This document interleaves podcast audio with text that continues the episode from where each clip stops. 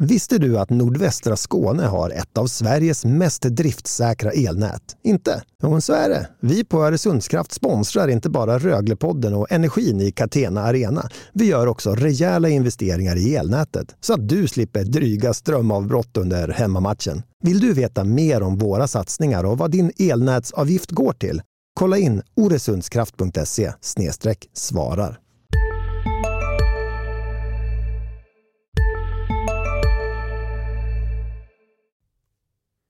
Röglepodden görs i samarbete med Vågen Försäkringsbyrå i Ängelholm.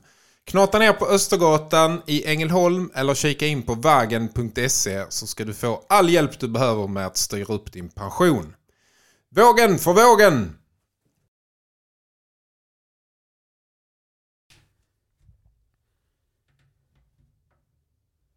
That's involved at this level has any other intention, so let's not uh, be afraid to say that.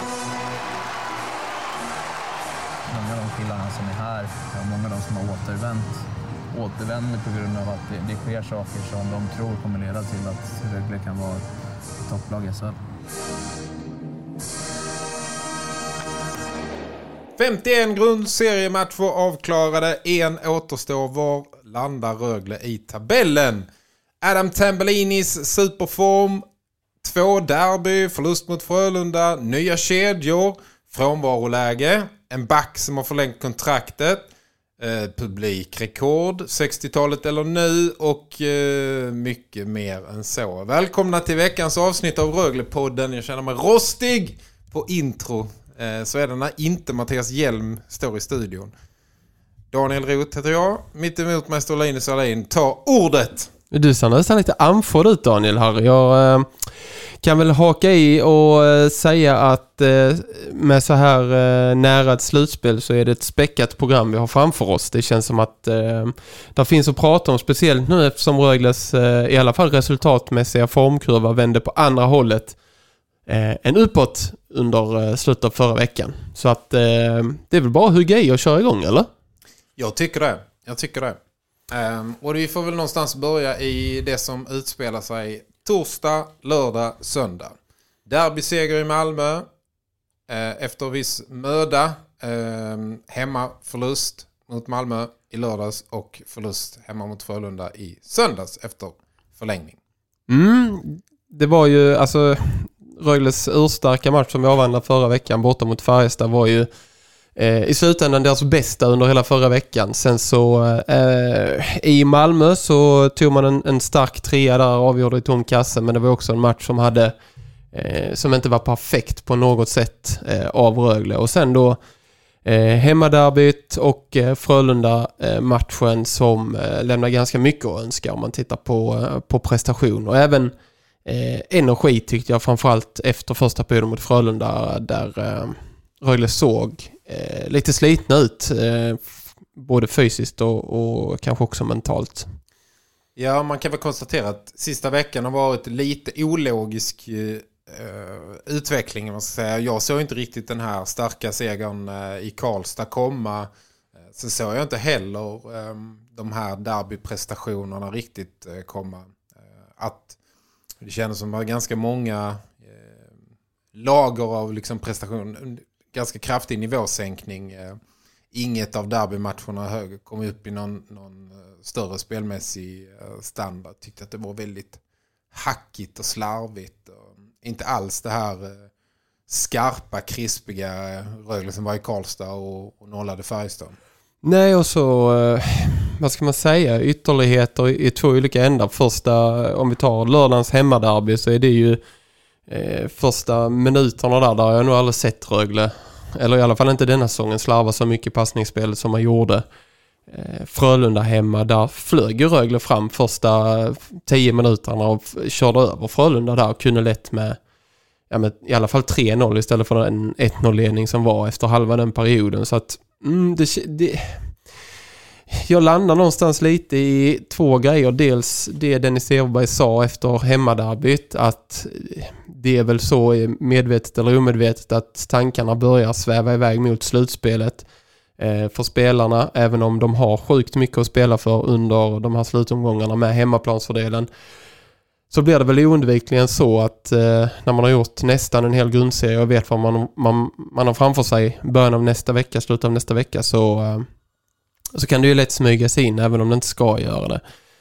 Och sen tänker jag också på den, det Rögle gjorde i slutet av förra säsongen när man också hade säkrat eh, en, toppplacering. topplacering. Då tappar man också, vill jag minnas i alla fall, en serieledning i, i slutet. Ehm, och då förlorar man ju tre av sina fyra sista matcher. Så att därför är jag lite så här, hur stora växlar ska man dra av de här resultaten? Hur, hur mycket ska man läsa in i, i det när man hade fyra matcher på en vecka varav två var derbyn. Där derbyn också är mentalt dränerande för, eh, för eh, lagen som spelar. Jag vet inte. Jag, jag är lite försiktig med att liksom peka med, med hela handen gällande Rögles formkurva efter, efter förra veckan. Ja, det ska man nog vara. Det är ändå fyra matcher på sex dagar. Det är väl rimligt att inte, eh, att det inte är jämna prestationer rakt igenom. Men ändå lite förvånande att det krängde så, så mycket åt ytterligheterna. Att det såg så bra ut i Karlstad och att eh, det sen har sett så ojämnt ut. Jag tror att eh, det här laget eh, har saknat sin kapten Mattias Sjögren som verkligen går i bräschen för det liksom ett byte i taget hockeyn med, med liksom det hårda konsekventa arbetet. Jag tycker att det har, det har gått rätt mycket upp och ner. Ja, och framförallt ser man också när Rögle inte har fokus i sitt passningsspel. Alltså vad, vad högt pris, det får ju alla lag, men framförallt första passen från back upp till upp till forward, alltså uppspelsfas. När man tappar den farten så blir det ju väldigt hackigt för dem. Alltså de får inga långa anfall, de får vända och vrida och hitta tillbaka. Och istället för att bara gå på full attack som man gjorde de här första tio minuterna mot Frölunda. Ehm, och då försvinner ju flytet. Då försvinner den här då försvinner bränslet till den här maskinen som, som tuggar på upp i Färjestad till exempel. Faktiskt. Och också då har vi någonstans Rögle hamnat i ett läge där man faktiskt eh, eh kanske inte lika mycket har allt att vinna eh, utan man har någonting att förlora. Man har en serieledning som på pappret ser lite betryggande ut. Eh, det är egentligen bara sista spikarna som ska slås i. Eh, Malmö kom hit med liksom eh, eller kom till derbymatcherna med lite mer allt att vinna kanske. Ehm, men ändå lite förvånande att framförallt i hemmaderbyt inför liksom utsålt eh, 6 och 3 på plats. Liksom att det är Malmö som faktiskt vill det mest. Som faktiskt vill vinna den matchen mest. Ehm, tycker jag ändå är lite, lite förvånande. Ja, alltså det, det hade ju, om man nu var slitna så är det ju, det ska ju vara den lättaste matchen i hela grundserien och få energin som man behöver för att orka lite mer och, och uh, kunna vinna en sån match. Men uh, ja, jag tyckte också att Malmö tävlade. Abbott sa ju också det efter matchen liksom att de ville, det var lite mer desperata, de ville lite mer och det, det, är, det är lite skumt. Ganska stora eh, skillnader tycker jag i, i, um, i det individuella.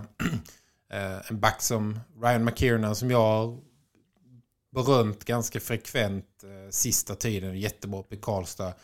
Helt plötsligt så var han liksom tillbaka i, i höstens eh, svaj och upp och ner hockey. Eh, jag tycker det är ganska många man kan liksom sätta en sån lupp på att eh, eh, jag vet inte, prestationen försvann liksom. Från, från liksom kliniskt i, i Karlstad till eh, mycket upp och ner hos Larv.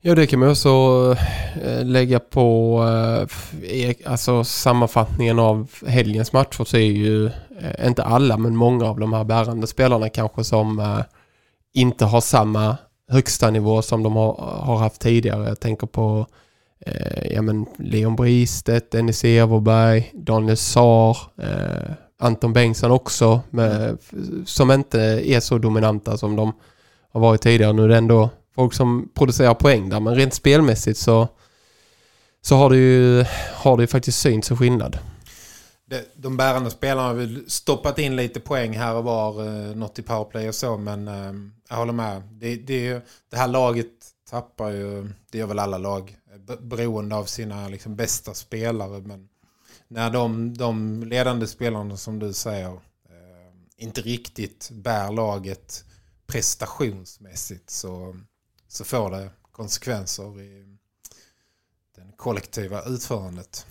Finns ju dock en som eh, verkligen sticker ut individuellt sen comebacken och det är ju Adam Tambellini. Eh, prata om det, vill jag minnas, eh, förra veckan och bröderna han hade spelat eh, en match och nu, eh, nu har han spelat fyra sen comebacken va?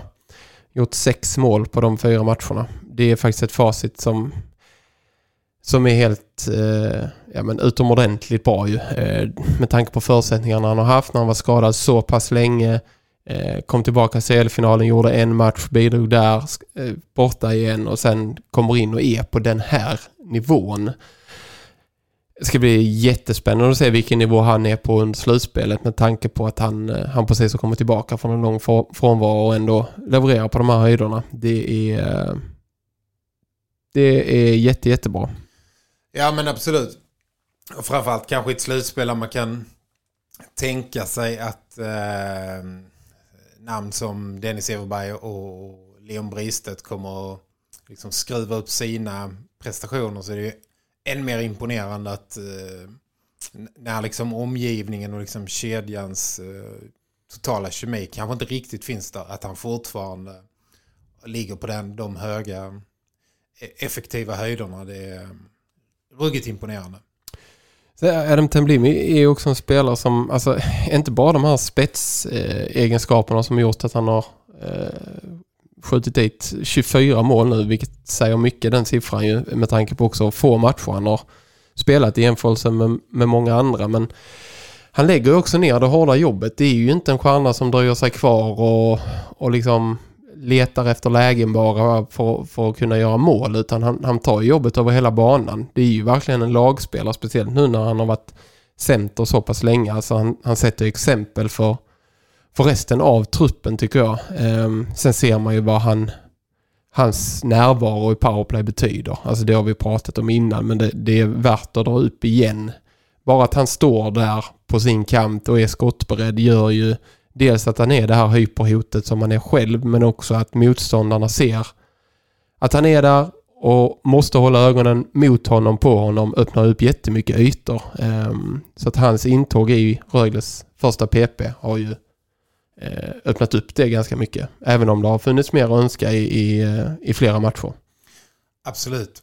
Hans, hans skott är väl liksom det, det stora hotet såklart. Men han är ju också en del av av den här femlingens eh, när de får sitt powerplay-spel att funka. Han är ju, kan ju vara lika mycket framspelare också. Så att han är ju han är väldigt, väldigt, väldigt komplett för dem där. Men en, en, faktor som talar för att de inte heller är riktigt nöjda är att de, de har ju hattat lite med sista, sista eh, länken i den kedjan. Bristet är där nu, Sara har varit där innan. Det Känns inte riktigt som att eh, det kommer väl kanske dit i detta nu. Ehm, att eh, man har inte riktigt satt. Det känns inte som att någon av toppkedjorna är hundraprocentigt satt inför slutspelet. Eh, nej, ja, jag vet inte. Kanske är den nu med, eftersom man nu flyttar tillbaka Bristet till, eh, till Tambellini och eh, Everberg inför eh, Frölunda-matchen va? Eh, så tror jag väl att eh, där experimenterar man nog inte mer nu eh, med tanke på att det bara är en match kvar. Jag tror att man ger dem chansen in i slutspelet. Så är det säkert. Och känner, man att, känner de att de kör fast så har de ju beprövade alternativ med SAR där till exempel. Så jag tror fortfarande att det kan bli byte där men då är det nog på grund av att man känner att kemin läcker liksom. Ja, eh, och i powerplay vet man ju vad de här spelarna kan göra men det är ju det är ju fem mot fem spelet som är den stora nyckeln. Jag tror att eh, en sån som Anton Bengtsson eh, när jag kollade för någon vecka sedan i alla fall var han den spelare i Rögle som hade gjort flest poäng fem mot fem. Eh, du har eh, varken Everberg, Tambellin eller Bristet på den positionen. Ehm, jag tror att de också känner att det finns mer att hämta i fem mot fem-spelet, även om de under långa stunder skapar mycket. Det så, alltså de här första perioden mot Frölunda är ett exempel där liksom hade ju Leon Bristet lekstuga under, under den perioden men sen ja 5 mot 5-spelet faller bort lite och då blir konsekvensen ganska, ganska stor för Rögle som lag också. Ska vi röra oss till det ämnet som eh, står under här, kedjorna? För du har varit på träningen idag och eh, intressant för alla som läste din eh, krönika i helgen var det väl? I söndags, ja. ja. Ja, det var... Jag stack ut huvudet trots att det är tisdag idag. Eh, om vi spelar in podden en dag tidigare än vad vi brukar så, så stack jag ut huvudet på Rögles för att kolla vilka som var där och om man hade ändrat något. Och det var en väldigt intressant eh, träning att följa på det sättet för det fanns mycket att, eh, att konstatera eh, inför den här podden. Bland annat då den här eh, andra kedjan där Brady Ferguson har varit center tidigare till Sar och Anton Bengtsson. Eh, nu har man flyttat på Brady Ferguson. Han spelar istället med Adam Edström och eh, Filip Granat i, i fjärde kedjan. Och nu har Anton Bengtsson istället gått in och var, är center igen och spelar med Sa och eh, Linus Sjödin som eh, har flyttat upp där. Sen är, ska man komma ihåg att det var en tisdagsträning, eh, inte dagen före match, men det säger ändå mycket att man eh, lyfter in, alltså byter position på Bengtsson så, eh, så tätt in på slutspelet, alltså byter tillbaka honom till center. Så att någonstans så känns det ju som att den här nyckelpositionen med, med andra centern, att det, det är mycket som talar för att det är Bengtsson som får axla den rollen. Ja, men du skrev om det sen, så vi har ju varit inne på det i, i podden tidigare också. Att det är ju eh, luckan efter Ted Brithén som man inte riktigt eh, fyller här. Ehm, man saknar ju en eh, center i eh, toppkedjorna och man har provat Brady Ferguson där ett tag. Ehm, han har många förtjänster men det känns ju inte som att han kan bära den kostymen fullt ut. Ehm, det är en... Eh, ja, det är som att sätta liksom en för liten artist på, på Ullevi. Liksom. Det, är, det, är en, det är en scen och det är, det är skor som ska fyllas. Och det känns inte riktigt som att han har riktigt den offensiva arsenalen för att ge offensiv tyngd och stadga åt den andra kedjan. Så jag förstår att de eh, går en annan väg nu. Sen blir det intressant att se vad man gör eh, längre fram när eh, eh vi kommer till skadeläget snart. Men om Mattias Sjögren är tillbaka, kanske redan mot Timrå eller eh, mer sannolikt i, i första slutspelsmatchen. Eh, hur man gör då med hela den här ekvationen. Eh, för att då har man ju eh, Ludvig Larsson också som center, Sjögren, Anton Bengtsson, Tambellini och eh, Brady Ferguson. Så att det är lite svårt att säga om. Alltså när Sjögren ska tillbaka så får de in en center till och då vem flyttar på sig i det läget? Då kanske man byter ut Anton Bengtsson på en kant igen. Det är nog mycket möjligt. Men det, deras, deras problematik på centersidan är väl egentligen att de, de har en uh, första center i Tambellini som är klockren. De har en klockren tredje center i Ludvig Larsson. Sen har de lite grann två fjärde centrar. Mm. Både Mattias Sjögren och Brady Ferguson är ju klockrena arbetshästar eh, till att bygga andra i den kedjan. Men ingen av dem har riktigt eh, har riktigt eh, liksom he hela den verktygslådan som en andra center eh, ska ha. Sett till liksom formkurva och leverans så är det väl snarare Sjögren som ska upp och testas i den, den miljön tycker jag. Mm. Men, och, ja, och Ludvig Larsson, Ståhl Yrenäs, Kasper eh, har tycker jag, sett allt bättre ut i, ihop. Eh, Kasper har även eh, gjort ett par mål här på slutet. Eh, de, jag tycker de har snurrat ganska mycket offensiv zon och börjat hitta någonting. Kasper har ju tagit jättestora kliv de senaste veckorna. Han har ju blivit en, en seniorspelare istället för en junior på många plan tycker jag är en av dem som sticker in näsan allra mest där det gör som ondast framför mål. Eh, och det är också där han har fått utdelningen. Just släppt in någon retur och, och som han gjorde mot, i helgen till exempel. Så att ja, både, både Timrå-matchen och träningarna inför första slutspelsmatchen kommer ju vara hyperintressanta för att från vår, vi kan ju bara säga vad, vad som gäller Mattias Sjögren, Sjögren och hans frånvaro så är det ju att han, han var på is under tisdagen, eh, tränade ett tag eh, utan någon sån här speciell tröja men, men lämnade sen ispasset eh, eh, och, och tog sig någon annanstans för att köra någon annan träning gissar jag. Så att han är ju, de signalerna säger att han är ju på gång liksom. Att det, det är ingen som har brutit armen direkt utan att eh, han är på väg tillbaka. Så att, ja hemlighetsmakeriet där är ju enormt så vi vet ju ingenting. Eh, men känslan eftersom han var borta en match, kom tillbaka och sen försvann igen va? Mm. Eh, så, så är ju amatörgissningen att, eh, att han kanske testade lite för tidigt och att de vill med marginal se till att vad han eventuellt, vad han nu än lider av, att de problemen ska vara borta till, till slutspelet börjar. Mm. Han tar ju inga risker i det här läget såklart. Precis. Det var lite samma med Tambellini innan han kom tillbaka. Eh, känsla, utan att veta så känslan utifrån var ju att han... Eh, där var ju verkligen känslan att tränarna tänkte att han ska, vara, han ska inte vara 98% innan vi testar honom i matchen utan han ska vara helt 100% så de inte riskerar något bakslag på honom. Um, och det är kanske exakt samma sak med, med Sjögren att ja, han hade hade det varit en, en kvartsfinal mot Timrå på, på torsdag kanske, eller i, i söndag så kanske Sjögren hade spelat. Men nu ser man ju ingen anledning att, att riskera. Men i, intressant, för det känns som att de har en första kedja och en tredje kedja som är, jag, jag är rätt så säker på att den eh, Larsson, Ståhl, Lyrenäs och Kasper vill de hålla ihop. Mm. Jag kan förstå att de vill göra det också.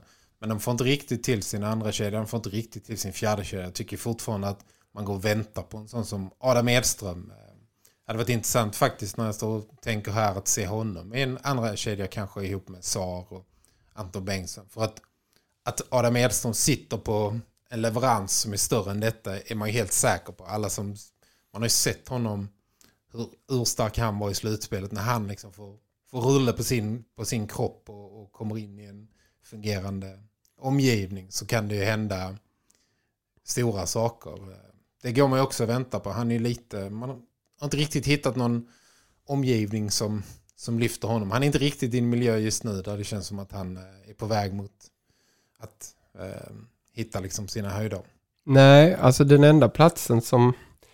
Alltså det, det ska in spelare som, som kommer tillbaka som frånvaro. Det är ju liksom Filip Granat som känns eh, som att han kan få flytta på sig eh, när det händer. Men det som gör det hela så intressant är ju att efter det så är det ju en det är inte så att en lucka öppnas, ja men där ska, där ska spelare X in, punkt slut, det förstår alla, utan det känns fortsatt som att det kan, eh, det kan röras om på sina håll. Och det är det som gör eh, vägen fram till första slutspelsmatchen spännande att följa tycker jag. Ja. Jag har något mer att tillägga på frånvarosidan. Jag tyckte jag läste att eh, Samuel Jonsson ser ut att vara mm, tillbaka i eh, nästan speldugligt skick, eller? Men vi kan väl eh, plöja igenom det, så de, den information jag har. Eh, och det är ju att Samuel Jonsson som då inte har spelat eh, sen CHL-finalen som det nu är eh, tre veckor sedan. Eh, han tränar nu för fullt och han matchades ihop med eh, Lukas Ekestål Jonsson i ett backpar. Och Jonsson var med under hela träningen. Vilket då indikerar att han är antingen helt comeback-redo eller väldigt, väldigt nära skulle jag säga. Eh, anledningen till att han tränar med Ekestål Jonsson var ju att eh, Wojtek Mosik som spelar båda helgens matcher, han var med både mot Malmö och Frölunda, han fanns inte på is under tisdagen då. Det enda jag vet är att det är status dag för dag i det som har sagts till mig. Det är samma med Jonsson, status dag för dag. Innan var det ju status vecka för vecka med Jonsson. Så den är någonstans nu förändrad till, till det mer positiva. Mm. Så att eh, Jonsson in och Måsik ut kanske. Det får vi väl se eh, i, i den här Timrå-matchen. Och sen då Sjögren har vi, eh, har vi ju nämnt. Eh, och Brithén tränar också för fullt. Men han var alternerande spelare eh, och gick stundtals också som eh, ytterforward. Där är status vecka för vecka. Och det indikerar ju på att Brithén eh, inte är så nära en comeback. Eller ja, nära, det är väl en definitionsfråga kanske men hade han varit aktuell för spel mot Timrå så, så tänker jag väl verkligen att han hade matchats in i, i en startande position. Ja, verkligen. Med tanke på att han har varit borta så länge och eh, få en match i benen för honom skulle väl vara guld värt inför slutspelet. Han måste vi ju betrakta som ett eh, gigantiskt frågetecken inför slutspelet. Ja, alltså jag skrev det i min krönika också. Alltså, när man har varit borta så mycket under säsongen och eh, även nu så tätt in på slutspelet så eh, det är väl klart att kommer han tillbaka så som spelare med den klokheten och den spelstilen har ju någonstans eh, bra, eh, ganska goda förutsättningar att hitta tillbaka till, till en bra nivå och kunna bidra. Eh, för att han har smartnessen och han har ett rörelsemönster som gör att han kan eh, ja, men, komma in i rutinerna i sitt spel ganska snabbt. Men att han att någonstans förvänta sig att Telbutén ska upp på de höjderna han har hållit tidigare säsonger eh, i Rögle känns ju eh, inte rimligt liksom. Det, det, det, är, det är väldigt kort tid kvar nu. Vi, vi står här tisdag, slutspelet börjar under nästa helg. Har du också valt att bli egen?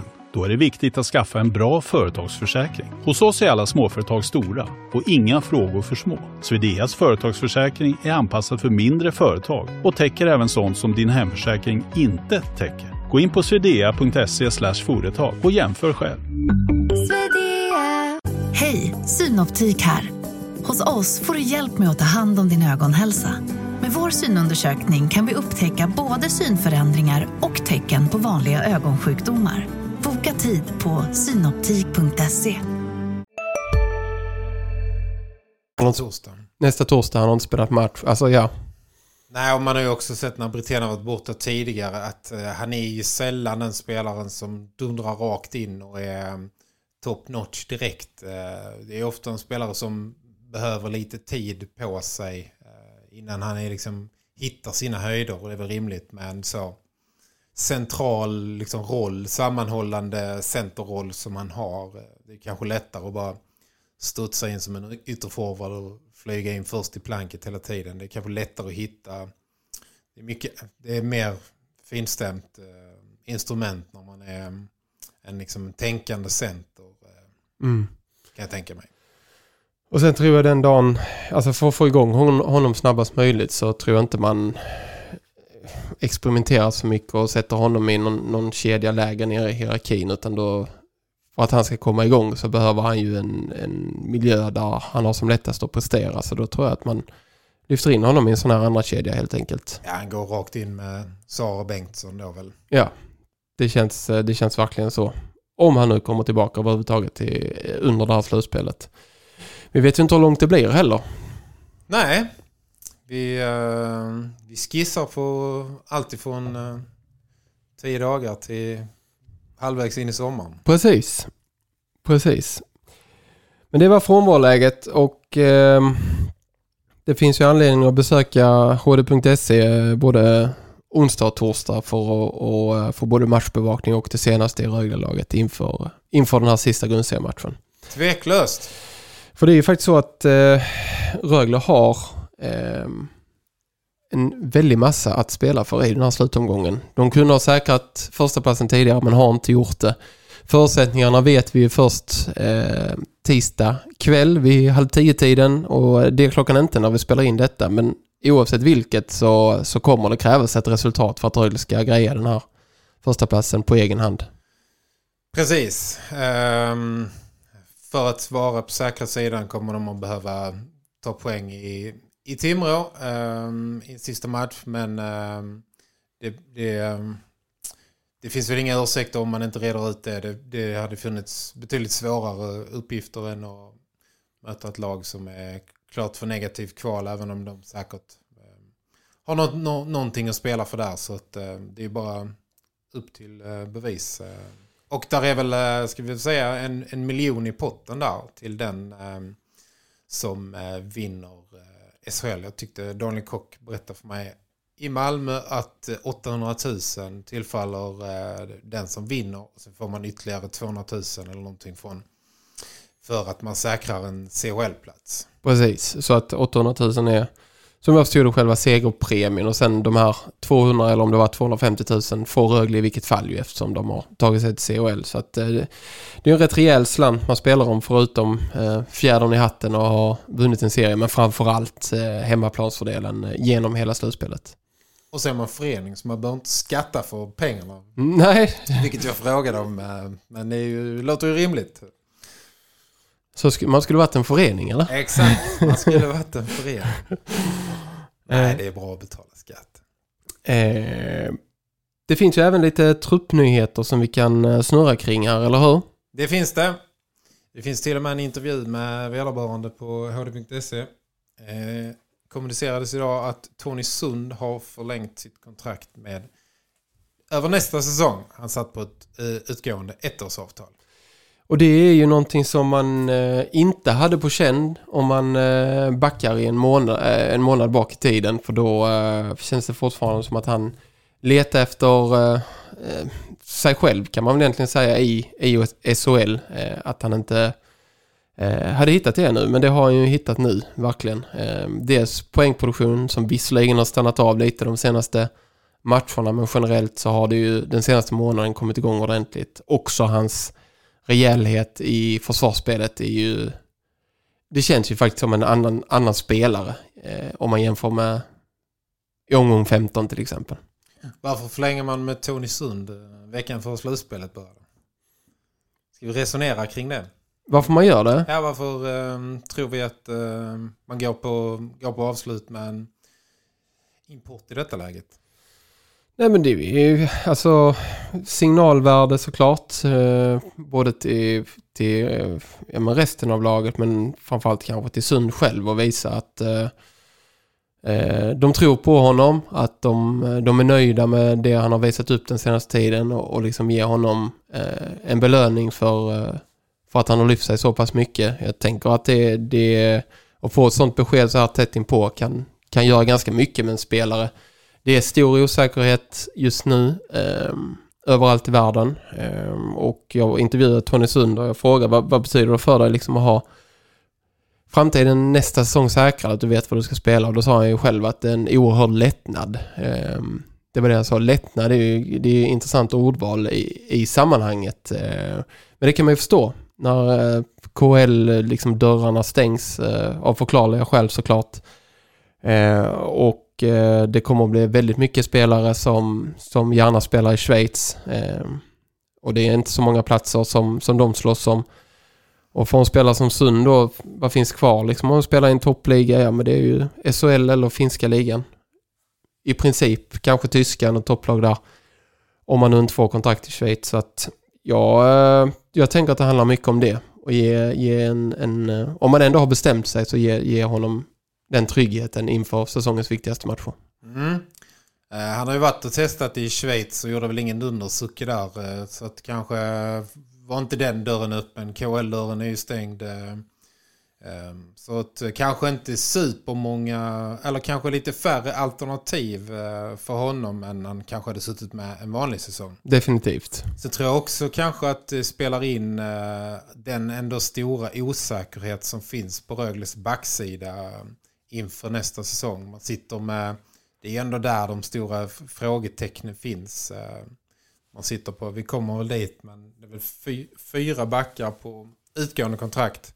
Eh, och måste väl ändå sätta någon slags frågetecken kring eh, Ryan McKiernan som inte har tagit den plats kanske så högt upp i hierarkin som de, som de trodde.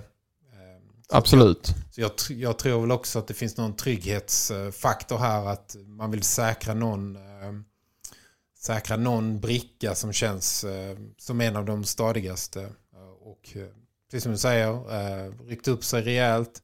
De ser säkert någon mer uppsida i honom kanske. Att, att han kan kanske till och med bygga från den här plattformen och bli någonting ännu bättre. Men lite överraskande ändå med tanke på att ehm, det är ändå en spelare som får vi förmoda och har man väl kunnat antyda av eh, bötesstraff och annat en, en spelare som en dyr importspelare. Eh, en av dem ligger ju på ö, den, det övre skiktet i, i truppen eh, kan man väl säga utan att ha insyn i den verksamheten. Ehm, och med tanke på att den, när man förlänger med de, den kategorin spelare så är det ju ofta eh, namn som man kanske sätter oumbärligen till att liksom, vi har inte råd att förlora den här pjäsen, vi måste förlänga. Och eh, även om han har ryckt upp sig så är han ju inte, är han ju inte klockren i den kategorin tycker jag. Nej, och det, det är väl det också att det jag pratade om innan med, med KL och sånt där. Och vi ser ju svenska spelare hela tiden som bryter sina avtal och, och vill flytta tillbaka och det börjar ryktas och massa olika spelare in i massa olika lag i, ESL SHL som kommer från den ligan. Så att ehm, där finns ju också en marknad som inte hade funnits i vanliga fall. Högst sannolikt i alla fall från klubb som Rögle och leta riktiga toppspelare som, som inte vill tillbaka till Ryssland. Exakt, marknaden är ju det är kanske klubbarnas det är kanske klubbarnas marknad. Även om eh, de bästa såklart kommer att få plats i Schweiz så innebär ju när hela den horden av spelare kommer hem från KL och inte kan återvända så får liksom, då stiger ju nivån på de, de bästa kommer såklart att få kontrakt i Schweiz. Men för ett år sedan så var nog inte kraven lika höga på att eh, den, den kravribban få dig ett välbetalt jobb i Schweiz är nog betydligt tuffare än för ett år sedan. Mm, och kanske är det så att eh, när vi tittar på de andra backarna, eller de backarna som nu då har utgående kontrakt. Chris Abbott sitter ju på, på all fakta uppe på sitt kontor när han funderar över nästa säsongs lagbygge. Och eh, det kan väl mycket väl vara så att man har, om jag gissar, kanske plats 1 och 2 på, på backsidan eh, öppen för nyförvärv. Eh, och att Sund är förlängd med som någon slags eh, trea eller fyra. Så att, ja, vi, om vi tittar på framförallt Lukas Ekstol Jonsson som ju har berättat för oss i intervjuer att han har en dialog med Rögle men också att det finns eh, NHL-intresse eh, för honom. Att man kanske rent av räknar bort honom. Det skulle jag tro att de gör. Eh, Samuel Johannesson kan man ju också eh, räkna bort nästan till 100% skulle jag vilja säga. Ja, du kan nog stryka nästan. Ja, precis. Han, är, han spelar inte Rögle nästa säsong, det är jag helt säker på. Utan att ha någon slags insyn så har han ju hamnat i en situation där han kommer börja om. Det var väl till och med skrivit som att han är, ska vara, om inte klar så nästan klar för Brynäs. Då, då är det två backar som man... Eh, Ekestol Jonsson vet vi ju inte, men vi, vi leker med den tanken i alla fall. Sen har man Kemmelainen och Måsik kvar då eh, på utgående. Där man kanske helt enkelt inte kan räkna med att kunna behålla dem. Eh, Kemmelainen tycker jag har eh, mer att bevisa om man nu ska plocka in honom som en etta eller tvåa. Måsik... Eh, har ju bevisat jättemycket defensivt. Inte gjort några poäng nu, vilket också är en faktor, men har ju varit verkligen eh, ja, men, en, en klockren värvning eh, i, i egen zon, alltså i det defensiva spelet. Precis det Rögle behövde också ju, en sån typ av back. Eh, men han har säkert anbud från, från andra håll, eller kommer att ha i alla fall. Så att det kan ju vara så att de fyra som är kvar på utgående, att de helt enkelt försvinner. Och då, då är ju Rögles backsida helt plötsligt öppen för två kanske toppnyförvärv inför nästa säsong. Ja, verkligen. Uh, man kan ju lägga i... Först tänkte jag att Måsik är ju liksom... Förutsatte jag att de försöker förlänga med. Um, men samtidigt får man väl säga att Allen Lesson kommer att komma tillbaka efter sin operation. Exakt. Och han är ju någon slags ersättare för honom. Det innebär att om man nu säger inte att han är liksom den eh, sjätte bästa backen. Men om man tänker sig honom som någon slags 5-6 back jag är rätt säker på att de har Samuel Jonsson kanske i, i, i det häradet också. Ehm, så behövs kanske inte Mosik om, om Lesund är tillbaka. Ehm, men eh, då har man väl säkrat en av de här topp 4-backarna i Tony Sund. Men där är ju tre frågetecken runt honom. Exakt. Och det, det, det när man tittar på de som är utgående så, eh, så tänker jag att eh, den här marknaden som Rögle kan vara ute och leta efter att eh, den på inget sätt eh, lär vara stängd bara för att man förlänger med Sund eh, utan att man helt enkelt har, har en baktanke med att han, han ska in i ett annat backpar kanske. Men sen visst, du kanske säger emot mig själv men även om om Lesson kommer tillbaka så, så jag, skulle jag ju inte bli förvånad om, om de försöker förlänga med Mosik. Men han, han är ju någon slags topp fyra roll idag och ihop med en spelande back så är han ju klockren. Så jag, jag vet inte vad, vad Mosik vill och, och, och, om det ens finns någon möjlighet. Men jag skulle inte bli chockad om Rögle försöker förlänga med honom ett år till redan nu. Nej, inte jag heller. Och det finns ju säkert ett par forwards som man också försöker förlänga med, eller hur? Ja, så. Eh, jo, det kan ju stämma. Har vi tre namn på utgående listan? Ja, förutom de då som... Eh, där är ju ett par spelare på kontrakt som också riskerar att försvinna såklart. Eh, Everberg är inte en av dem. Eh, då har han berättat i intervjuer med oss att han sa väl något i stil med att nu är jag kvar här så de får bära ut mig den dagen de inte vill ha mig här. Det känns väldigt definitivt. Men Adam Tambellini blir mycket förvånad om han inte kan signa med en NHL-klubb. Mycket förvånad. Ja, nej, men gör man 24 mål i SHL en säsong så, så rent krasst är man inte kvar nästa säsong. Rent hy- hypotetiskt och historiskt så har det ju varit så. Mm. Eh, därmed inte sagt att jag vet någonting om vart han ska ta vägen. Men eh, nej, jag håller med. Det måste anses som väldigt liten chans att Tambellini spelar i Rögle till hösten. Och sen så har de då eh, tre, tre forwards på utgående, vilket ju eh, inte alls är särskilt många eh, om man tittar på, på totalen. Och det är ju då, Mattias Sjögren har vi pratat väldigt mycket om, om hans framtid i tidigare avsnitt, så det känns nästan lite avhandlat på något sätt. att Han har ju berättat för dig i en intervju Daniel att det är han själv som har sagt till Rögle att han vill vänta till efter säsongen. Han har visat sin betydelse för laget, eh, inte under hela säsongen tycker jag, men framförallt i slutspelet i fjol ju. Men sen de andra två är då Bristet och Sar och där finns det ju eh, betydligt fler frågetecken eh, omgärdade kring de två just nu. Men det är lite intressant på forwardsidan för det är alltså tre utgående avtal. Eh, eh, Leon Bristedt skulle man ju också bli förvånad om han är kvar i Rögle till hösten. Ja, han har ju varit på väg, känns, även om han har stannat så hela den här, när han fick eh, covid, hela den problematiken. Eh, nu har han eh, levererat på en, eh, upp på en nivå som återigen kvalificerar honom för, för att få en eh, chans i, i utlandet i, och ett lukrativt kontrakt. Så att med tanke på ålder och tid i Rögle och allting så blir jag förvånad om han, han är kvar. Jag, jag, jag skulle inte vilja sträcka mig så långt att man kan eh, räkna bort honom inför nästa säsong. Men nästan faktiskt. Jag, jag tror att han eh, är, är sugen på att testa någonting. Faktiskt.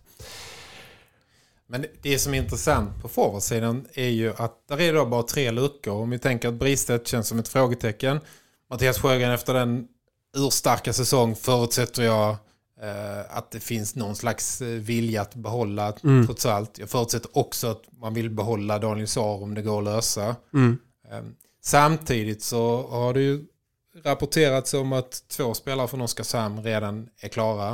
Eh, Fredrik Olofsson va? Mm. och Kim Rosdahl. Även om även Olofsson är um, föremål för NHL-intresse och, och folk med insyn säger att han kanske inte ens kommer hit för han drar direkt till NHL. Det verkar sannolikt att det blir precis så. så ja. Och det har även rapporterats om, jag har inte namnet i huvudet, men en 27-årig kanadensare som har vräkt in mål i DL den här säsongen som ska, vara, som ska också vara klar för nästa säsong. Mm. Um, om det finns om det finns tre eh, just nu med utgående kontrakt, tre spelare redan klara in, Mm. så måste det ju åka spelare i, i motsatt riktning också ut. Mm. Um, så det blir ju intressant att se um, vad som händer där. Det är klart att det finns kanske spelare i truppen som av olika skäl inte, inte är kvar heller. Men ekvationen går inte riktigt ihop eh, numerärt ännu. Nej, det gör den ju inte. Eh, Men sen då om man får räkna med, liksom kalkylera med att Tambellini till exempel försvinner. Eh, Det kan ju också vara så att eh, Sjögren har tagit ett framtidsbeslut som, som vi inte får veta någonting om. Men att han har sagt till ledningen om det. Bara spekulation från min sida. Men det finns ju många olika parametrar att väga in och många olika faktorer här också. Eh, Anton Bengtsson är ett exempel också på en spelare som eh, inte har någon klausul för att kunna åka och, och spela i Schweiz men, men också säkerligen har eh, NHL-intresse kring sig vilket han eh, jag tror han har sagt det till och med i en, en av våra intervjuer så att ja, det, det, är ju fler, alltså det blir ju så när man har så pass många eh, framstående offensiva spetsspelare som, som levererar så, så blir det ju så. Alltså Tambellini, Bristet eh, och Bengtsson. Precis. Ehm, ja, men det blir spännande. Uh, vad jag vet så är det väl ingen av de här tre som det spekuleras om som ska in som är centrar, eller? Eh, nej, det är det väl inte. Kanske vi skulle kollat upp innan. Men uh, med tanke på resonemanget med Sjögren som då är center. Uh, det är kanske bland ytterforwards som man uh, fyller på. Men uh, rimligen så kan jag tänka mig att eh, Bristet är borträknad ur ekvationen. Och Mm. eh, förmodligen Termelini också. Eh, och ett fett frågetecken får man ändå sätta runt Anton Bengtsson efter den otroliga säsong han har gjort. Det får Så man göra. visst, där är ju där är kanske tre luckor där. Mm. Och så som sagt med, med Sa också med hans eh, historik och hans eh, även poängleverans sen han, han kom tillbaka så, eh, så är han absolut eh, säkert anbud från exempelvis Schweiz. Just det. Jaha, vad går vi vidare till nu då? Ja, du ska väl örla om ditt gamla publikrekord igen eller? Ja, eh, sätt på en kanna till för nu det här kan ta en stund. Eh, nej, jag ska väl bara stänga den här publikdörren för att eh, förra veckan så berättade jag om att eh, jag skrev i en eh, krönika att eh, 6310 som såg Rögle-Brynäs eh, när man invigde nya etaget. Så många har aldrig sett på hockey i Ängelholm tidigare. Och det eh, gjorde att dammluckorna i mailkorgen öppnades på vid gavel. Jag har fått många mail om det. Och jag ägnade förra veckan åt att gräva ner mig i historieböckerna och eh, tror jag kunde presentera ett resultat i en krönika i lördags. Eh, där kontentan med det är att ah, det var inte riktigt sant. Aldrig fler har eh, så många människor sett Rögle spela i Ängelholm. Eh, det närmaste man kom var en kvalmatch i, slut, i början på 60-talet när Rögle gick upp i högsta serien med Ulf Sterner mot KB63 som lockade 6000 eh, ja, eh, precis under i alla fall. Mm. Eh, 6 och 2 tror jag det var. Men däremot fanns det en landskamp mellan Sverige och Sovjet som eh, faktiskt eh, drog 6500. KB63, vet du vad det var för gäng? Jag som inte har den histo- historiska koll som du har. eh, Jag vill inte sätta dig på pottkanten men det, det är i alla fall ett klubbnamn som inte jag känner igen. Nej, men jag är inte säker men eh, jag tror det är Karlskoga alltså, som Mhm. har bytt eh, skepnad. Eh, eh, den klubben finns inte längre men eh, jo, Så KB63 till Bofors till Karlskoga. ja, så ska vi nog eh, kunna säga att det ligger till. Där är väl Bofors bäst va? Av de namnen. Ja, faktiskt. Det, ehm, ehm, det får vi väl ändå sträcka oss till. Men det var, jag var lite nervös när jag publicerade den här för alltid när man slår fast någonting så tänker man, nu har jag säkert missat läx eh, den kvällen. Men eh, jag har faktiskt inte fått eh, en enda på mig som har skrivit att, att jag har fel. Det är lite svårt med inte riktigt lika digitaliserat i, i mitten på 60-talet. Man får, och det är lite olika publiksiffror som rapporteras. Svenska ishockey kunde ha en publiksiffra i, i sin. Sen hittade jag i Skånes ishockeyförbunds eh, års sammanfattning. Där, var, där diffade liksom på ett par hundra. Mm. Så eh, jag fick, eh, jag måste läsa upp två roliga mejl på det här temat. Man kan väl säga att du har gjort vad du kan i alla fall. Ja, ehm, eh, Kurt Arne som, berätt, som bidrog med en rolig historia om att Rögles enda mål mot Djurgården 1-17 hördes ända till Munke Ljungby. Ehm, han skriver så här efteråt, han tackar för artikeln. Eh, De hade säkert inte så bra koll på publiksiffror heller längre bak på den tiden. Det fanns en publikvärd som hette Åke och han hade ansvaret att räkna in människorna som kom in genom dörrarna. Han var uppe i antalet 4375 en gång och då kom det en kille och frågade om han ville ha socker i kaffet. Ja, svarade Åke. Sen mumlade Åke för sig själv. Var fasen var jag nu? Om det stämmer vet jag inte. Ehm, Jag har även fått ett mejl av eh, Rögles gamla legendariska speaker Bert Lundqvist. Som eh, läste detta och han skriver så här. Men du skrev om skrönor och då måste jag påpeka att snöbollskriget i Tingsryd inte är någon skröna. Kanske lite överdrivet ibland men det hände i varje fall. Jag var själv på plats som NSTs utsände. Han jobbade på NST på den tiden. Eh, tillsammans med Knut Knutsson och Lasse Olén. Vi var tre som skrev flera sidor om matchen. Bland annat skrev jag artikeln om snöbollskriget. Det var ju så att Ulf Sterner blev utvisad. Publiken kastade ett par snöbollar på honom och Sterner svarade med att kasta tillbaka. Gå in i ett arkiv och kolla. Kommer inte ihåg datumet men det bör vara i februari. Undrar om det skrivits så mycket om en enda Rögle-match dagen efter i NST. Fick du det med? Ja, detta är ju femstjärnig leverans alltså. Så detta är eh, det legendariska snöbollskriget. Det, var, det är som om eh, Dennis Everberg hade tappat det i utvisningsbåset och börjat kasta snöbollar på Färjestad-publiken. Ja, det hade varit en syn du. Verkligen. Är vi i mål? Ja, jag tror det. Jag Hjelm, tror har du det. någonting att tillägga? Ja, men kanske lite granna, lite... eh, nej. Han är inte här. Vi, vi saknar honom denna veckan också. Klart vi gör.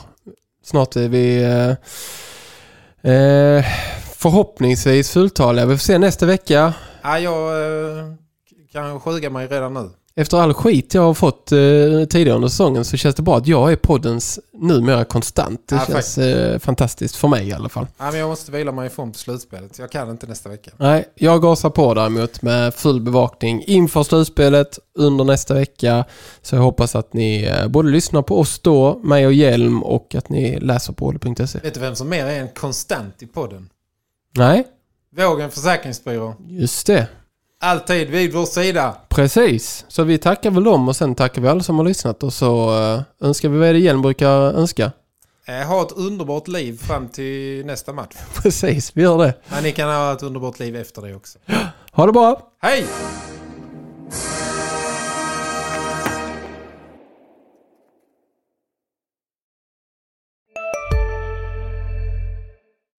Hej, Susanne Axel här. När du gör som jag och listar dig på en av Krys vårdcentraler får du en fast läkarkontakt som kan din sjukdomshistoria.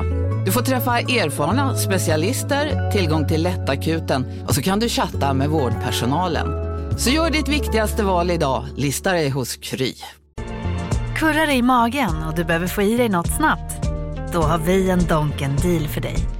En chicken burger med McFeast-sås och krispig sallad för bara 15 spänn. Varmt välkommen till McDonalds.